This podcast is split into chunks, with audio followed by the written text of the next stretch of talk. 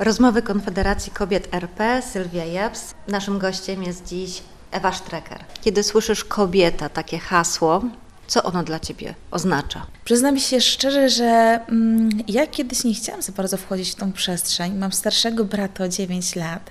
Bardzo mnie ciągnęło w te takie męskie rejony, sport, yy, samochody. Lepiej się też czułam w towarzystwie mężczyzn, ale to myślę, że wynikało właśnie z racji tego, że mam tego starszego brata. I nie do końca mnie kręciło to, co kobiece, aż w końcu się z tym zetknęłam, aż w końcu, kiedy zaczęłam odkrywać siebie również przez pryzmat swojej biologii, mogłam poznać siebie w nowym wymiarze, dużo pełniej, zrozumieć, przestać walczyć, a zacząć być. To ostatnio usłyszałam od swojej koleżanki i myślę, że to niezwykle cechuje kobiecość, kobietę, aby być i dawać, i tym byciem e, na zewnątrz inspirować do zmiany, e, inspirować do rozwoju, e, dawać miłość, ciepło ogniska domowego. No, myślę, że kobiecość dla każdej z nas i być kobietą pewnie to będzie coś zupełnie innego i nie będzie takiej jednej ustalonej definicji, bo każda z nas ma inny zestaw cech charakteru, inne doświadczenia. I w tym bogactwie tej różnorodności też jest bardzo dużo piękna. No to w takim razie nie mogę nie zapytać y, o Twoje inspiracje kobiecości. To przede wszystkim moja mama, ja często się do tego odnoszę. My zaczęliśmy działać 3-4 miesiące po śmierci mojej mamy. Ja chodziłam z tym projektem mm, około 3 lat. Aż śmierć mojej mamy pozwoliła mi spojrzeć na jej życie no właśnie z perspektywy całości, dostrzec, co to było niezauważalne, y, zobaczyć tą kruchość chwili, jak i co się tak naprawdę w życiu liczy. Często opowiadam o tym, jak moja mama całe życie odkładała marzenie, aby malować, i dopiero jak była chemioterapia, e, jak straciła czucie w palcach, odważyła się i poszła na kurs pisania ikon. I odważyła się pójść za tym głosem swojego serca. E, dopiero jako 50-paroletnia kobieta ale to nie znaczy, że wcześniej nie realizowała siebie, bo realizowała siebie jako matka. Wychowała mnie i mojego brata, łącząc to z pracą. Moja mama była nauczycielką. Mówiła, że to nie jest jej praca, że tam się nie odnajduje. Wracała do domu przytłoczona historią dzieci, bo pracowała w zawodówce, więc miała trudne przypadki. Po czym okazało się, mama zmarła 29 czerwca, czyli to jest koniec roku, a kościół był wypełniony jej uczniami, byłymi absolwentami. I okazało się, że to było jej powołanie, które realizowała. Więc no, mama jest dla mnie olbrzymią inspiracją, ale też moje przyjaciółki, które są wokół mnie, um, one dają mi olbrzymią motywację one są dla mnie takim drogowskazem, powiedzeniem Ewa idziesz w złą stronę, albo Ewa idź tak. One, one słuchają moich e, jęków rozpaczy, ale i okrzyków radości. Mm, i są no, bardzo ważną częścią mojego życia. To również kobiety, które się pojawiają tutaj w tej przestrzeni oblicza kobiety, które zapraszamy, te prelegentki nasze, ja wszystkie wybieram e, kluczem e, właśnie tych, które mnie poruszyły i które dokonały zmiany mojego życia. I, i, i to są właśnie kobiety, które, które u nas występują, ponieważ myślę sobie, że skoro u mnie nastąpiła jakaś przemiana, to właśnie zainspirują również kogoś innego. Więc tych kobiet z każdym rokiem, z każdym dniem pojawia się coraz więcej i chyba ważne jest w ogóle zatrzymać się i zobaczyć, że wow, te kobiety są obok. Widać, że nie tylko hasłowo, ale też i czynami podchodzisz bardzo konkretnie do swojego zadania i tutaj definiujesz je pięknymi słowami. Każda kobieta zasługuje na szacunek i wsparcie.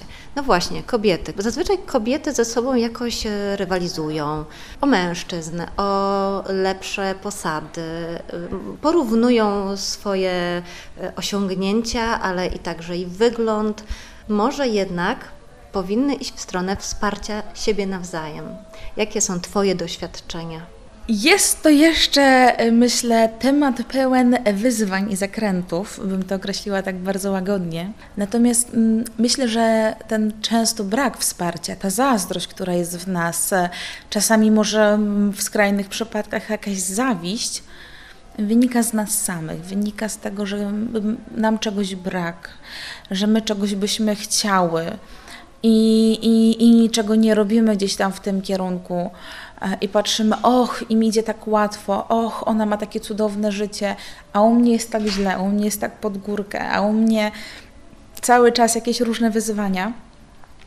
I z jednej strony trzeba pamiętać, że zawsze u każdego jest ta druga strona medalu i każda z nas ma inne te doświadczenia, te inne trudności, inne zranienia, z którymi musi, musi się zmierzyć, ale kiedy się z nimi zmierzymy, kiedy wyjdziemy z takiej swojej przestrzeni komfortu, kiedy odważymy się pójść za tym głosem swojego serca, to nagle ta zawiść, ta zazdrość znika, bo widzimy, że po drugiej stronie po prostu jest człowiek, który tak samo jak my ma to doświadczenie, różne doświadczenie i wystarczy tak naprawdę chwilę rozmowy i nagle słyszymy, że też zmaga się z różnymi problemami. I czasami nagle, kiedy jest dłuższa rozmowa, to widzimy, że nasze problemy są pikusiem w stosunku do tej drugiej osoby. I myślę, że tu potrzeba właśnie takiej dużej empatii, dużej wyrozumiałości. Tu właśnie to, co jest, my kobiety mamy cudowne bycie, czasami przy drugiej kobiecie, nie radzenie, nie tutaj um, dawanie gotowych um, rozwiązań, ale bycie, wysłuchanie i powiedzenie, nie, dasz radę, jestem obok, w razie co pomogę Ci. Um, I razem, razem możemy pokonać różne trudności. Ja myślę, że to się zmienia i to widać, że to się bardzo zmienia, mm, chociaż żyjemy w takiej cywilizacji olbrzymiej samotności, ale wystarczy iskra i ta iskra potrafi wzniecić olbrzymi płomień. Mm, I ja wierzę, że ten płomień niedługo w sercach kobiet e, bardzo mocno e, rozgrzeje e, i zobaczymy, jak my nawzajem jesteśmy sobie w stanie bardzo dużo dać. Twoje motto życiowe do wzniosłych celów ciasnymi drogami. Ty już chyba takie drogi miałaś gdzieś tam po drodze, prawda? Bo inaczej byś tak łatwo o tych ciasnych drogach nie wspominała. Ja mam jeszcze taki drugi cytat, to jest świętego Jana od Krzyża. Nie cofaj się przed trudem, choćby się zdało, że mu nie podołasz. Ja się czasami bardzo bałam tego trudu. Ja się również bardzo bałam, że może być ten moment, że może zabraknąć jednego z moich rodziców. Ja się potrafiłam jako dziecko czasami obudzić w nocy z płaczem i przyjść z mama, śniło mi się, że umarłaś. Eee, I mama mówi, co za głupoty dziecko, chodź tutaj do mnie. Mówi, słuchaj, nawet jeśli umrę, to ty się nie przejmuj. Moja mama chyba była troszeczkę, 2-3 lata starsza ode mnie, jak zmarł jej tata, ale obydwaj mieli ten sam wiek, 58 lat. To jest młody wiek, to jeszcze, jeszcze nie ma tej przestrzeni troszeczkę na bycie dziadkiem i babcią. I pamiętam, ponieważ sama miała to doświadczenie, to od małego mi mówiła, że słuchaj, jakby może być taki moment, że mnie zabraknie, ale to nie znaczy, że mm, twoje życie ma ulec w gruzach. Mówi, ty musisz budować na czymś silniejszym, solidniejszym. Ja gdzieś tego w żaden sposób nie przyjmowałam do siebie, no bo jak? Może zabraknąć mamy. ale tak się wydarzyło. I to jest tak, że ja się tego bardzo panicznie bałam. Ja byłam przy śmierci mojej mamy. W życiu bym się nie przypuszczała, że tak będzie. I Gdybym ja miała podjąć decyzję, to bym chyba rękami i nogami się broniła przed tym. Moja mama zmarła w piątek o godzinie 15.20, jak skończyliśmy mówić koronkę Bożego Miłosierdzia. I ja siedziałam, tata wtedy akurat na chwilkę wyszedł do kuchni i ja siedziałam przy niej. I to jest niesamowite, że człowiek dokładnie wie, kiedy zaczyna się ten moment odejścia. A ja wtedy krzyknęłam przewrażliwie po tatę, żeby przybiegł. Było to bardzo trudne doświadczenie, ale to doświadczenie pozwoliło mi zmierzyć się z sobą i zobaczyć, że te trudne chwile wcale nie są takie trudne chwile, bo kiedy moja mama zmarła, pojawił się na jej twarzy uśmiech, a w naszych sercach pojawił się pokój. To było niesamowite, że my nie zaczęli, jak się modliliśmy, to mieliśmy krzyk, bo takie była modlitwa. Ale kiedy mama zmarła, pojawił się pokój po prostu pojawił się pokój. Myślę, że to też jest kwestia tego, że przez pół roku było dużo modlitwy, dużo mszy świętych, które też pozwoliły przygotować się na to wszystko. I kiedy gdzieś tam pojawiały się łzy, to nie pojawiały się łzy smutku, rozpaczy. ale to jest bardzo trudne do opisania słowami i chyba nie wiem, jak znaleźć jakieś odpowiednie. Ale ten moment wcale nie był taki straszny. I, e, I to daje mi takiej bardzo dużo siły. Te dwa lata od jej śmierci były, wiele, były pełne wielu, wielu zakrętów, wielu trudności, z którymi musiałam się z, zmierzyć. Później wydarzyło się jeszcze kilka trudnych dla mnie osobiście momentów. Ale kiedy y, miałam ten ból, jakiś rozpacz po tym, jak coś wydarzyło się dla mnie trudnego, to nie uciekałam od tego, pozwalałam sobie to przeżyć, pozwalałam sobie na cierpienie, na, na te wszystkie emocje, które miałam w sobie, żeby one wybrzmiały, bo wiedziałam, że one są bardzo ważne i one są źródłem też wiedzy o mnie, żeby wiedzieć, z czego chcę od życia, żeby wiedzieć, co mi nie pasuje we mnie, żeby się zmienić i przestać gdzieś szukać wymówek, tylko powiedzieć, no nie podoba mi się to, że masz za długi język i czasami e, gadasz bardzo dużo i wszystkim e, i tak się nie zastanawiasz. I jak mi się to nie podoba, no to zacznij gdzieś tam nad tym troszeczkę pracować. Mm, no jest to jeszcze bardzo trudne, ale ale przynajmniej jakby myślę, że coraz bardziej świadomie do tego podchodzę i, i kiedy gdzieś mi się pojawiają jakieś moje długie monologi, to się tak łapię. Mm, chyba już za długo, e, może się napij, może pozwól komuś coś powiedzieć, e, może pewną myśl zostaw dla siebie e, i niekoniecznie gdzieś tam e, to e, na zewnątrz opowiadaj, bo wiesz, że masz ewentualnie kogoś bliskiego, gdzie możesz ewentualnie to wyrazić, a niekoniecznie każdy obcy na zewnątrz musi, musi to wiedzieć. Mm, więc tego się uczę. E, uczę się tego, że trudności mają sens.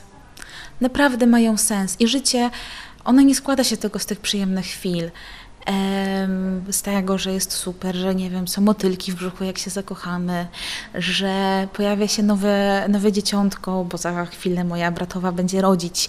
W sumie to w każdego dnia już może, bo to dwa tygodnie e, jest, e, za dwa tygodnie jest e, oficjalny termin. Mm, no jest wiele takich niezwykłych rzeczy, które chcemy. My dążymy za tymi przyjemnościami. Ale te trudne chwile one są również bardzo cenne, bo one potrafią przemienić nas, jeśli od tego nie uciekniemy. Ja wiem, że to wymaga czasu. U mnie też wiele rzeczy, które przeżyłam, pracuje i, i, mm, i dopiero teraz e, staram się też z nimi mierzyć, przepracowywać i wyciągać z ich wnioski, ale one są olbrzymim skarbnicem wiedzy o nas samych. I kiedy zmierzymy się z trudnościami, to okazuje się, że one wcale nie są takie trudne i wcale nie wymagają tak dużo odwagi ale widzę, że kiedy pozwalam sobie na różne swoje słabości, to tak naprawdę ja staję się silniejsza. I dlatego w projekcie Oblicza Kobiety mówię, jednym z takich haseł, chyba gdzieś tam takich głównych jest, aby każda kobieta odważyła się być sobą. Nawet jeśli czasami to właśnie się wiąże z tym, że mam za długi język. Nawet jeśli to się wiąże z tym, że jestem zbyt emocjonalna i płaczę na wszystko. Nawet jeśli wiąże się to z tym, że nie wiem, robię czasami awanturę o byle co. Okej, okay, taka jestem. To znaczy, że coś muszę przepracować, z czymś gdzieś tam się zmierzyć. Mm, e, ale jest ta druga część mnie, e, część niezwykle piękna, tak, że daję innym wsparcie, że potrafię dużo działać, że my jako kobiety tworzymy właśnie to ognisko domowe, że jest wiele kobiet, które no właśnie potrafi zrezygnować z siebie, ze swoich marzeń, po to, aby zrealizować marzenia swoich dzieci. To jest niesamowite. I, I, warto spojrzeć właśnie na siebie z tych dwóch stron mm, i dostrzec ten olbrzymi potencjał, który każda z nas ma. I właśnie odważyć się być sobą, nie bać się tego, co inni pomyślą. Chciałabym, żeby każda kobieta i żebym również ja każdego dnia miała w sercu tą odwagę, aby być sobą. Ewa Strecker, jurystka, społecznik, katofeministka i powołana do buntu. Dużo tego. Powiedz, czym jest dla Ciebie katofeminizm? Dla mnie katofeminizm to jest odkrywanie pragnień swojego serca. To jest właśnie e, poznawanie siebie, dostrzeżenie tych swoich pasji, swoich marzeń e, i to, co mówiłam, znalezienie odwagi, aby to realizować. To jest zbudowanie swojego życia na olbrzymim fundamencie. To jest również ta przestrzeń, aby wziąć swoje ego na bok i być dla innych, służyć im. Myślę, że tego dzisiaj trochę brak. My tak walczymy o prawa, prawa, prawa, prawa, prawa, a gdzie jest przestrzeń na obowiązki? I się zawsze śmieję, że nie ma czegoś takiego jak siedem cudownych zasad, które sprawią, że będziesz milionerką. Dlatego, bo nie ma czegoś takiego jak uniwersalna rzecz, która uda się zastosować do wszystkich. Oczywiście tam jest bardzo wiele mądrości, możemy tam znaleźć jakąś inspirację po to, żeby znaleźć swoje indywidualne rozwiązanie.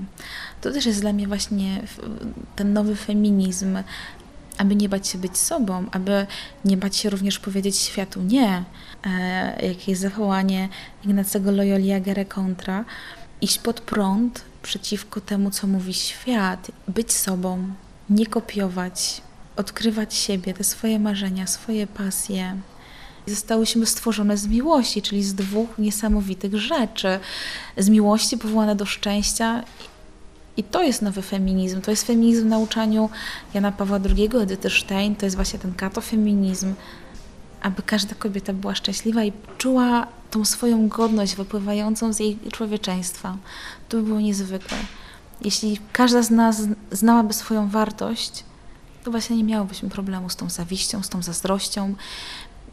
Nie bałybyśmy się być sobą, nie bałybyśmy sobie na okazanie słabości, nie wstydziłybyśmy siebie. Jeśli byśmy naprawdę miały świadomość, jak niezwykłe, ważne jesteśmy, wartościowe, unikatowe, niepowtarzalne, ale to chyba trzeba odkrywać każdego dnia i codziennie. Bardzo dziękuję Ci za rozmowę. Ja również bardzo dziękuję.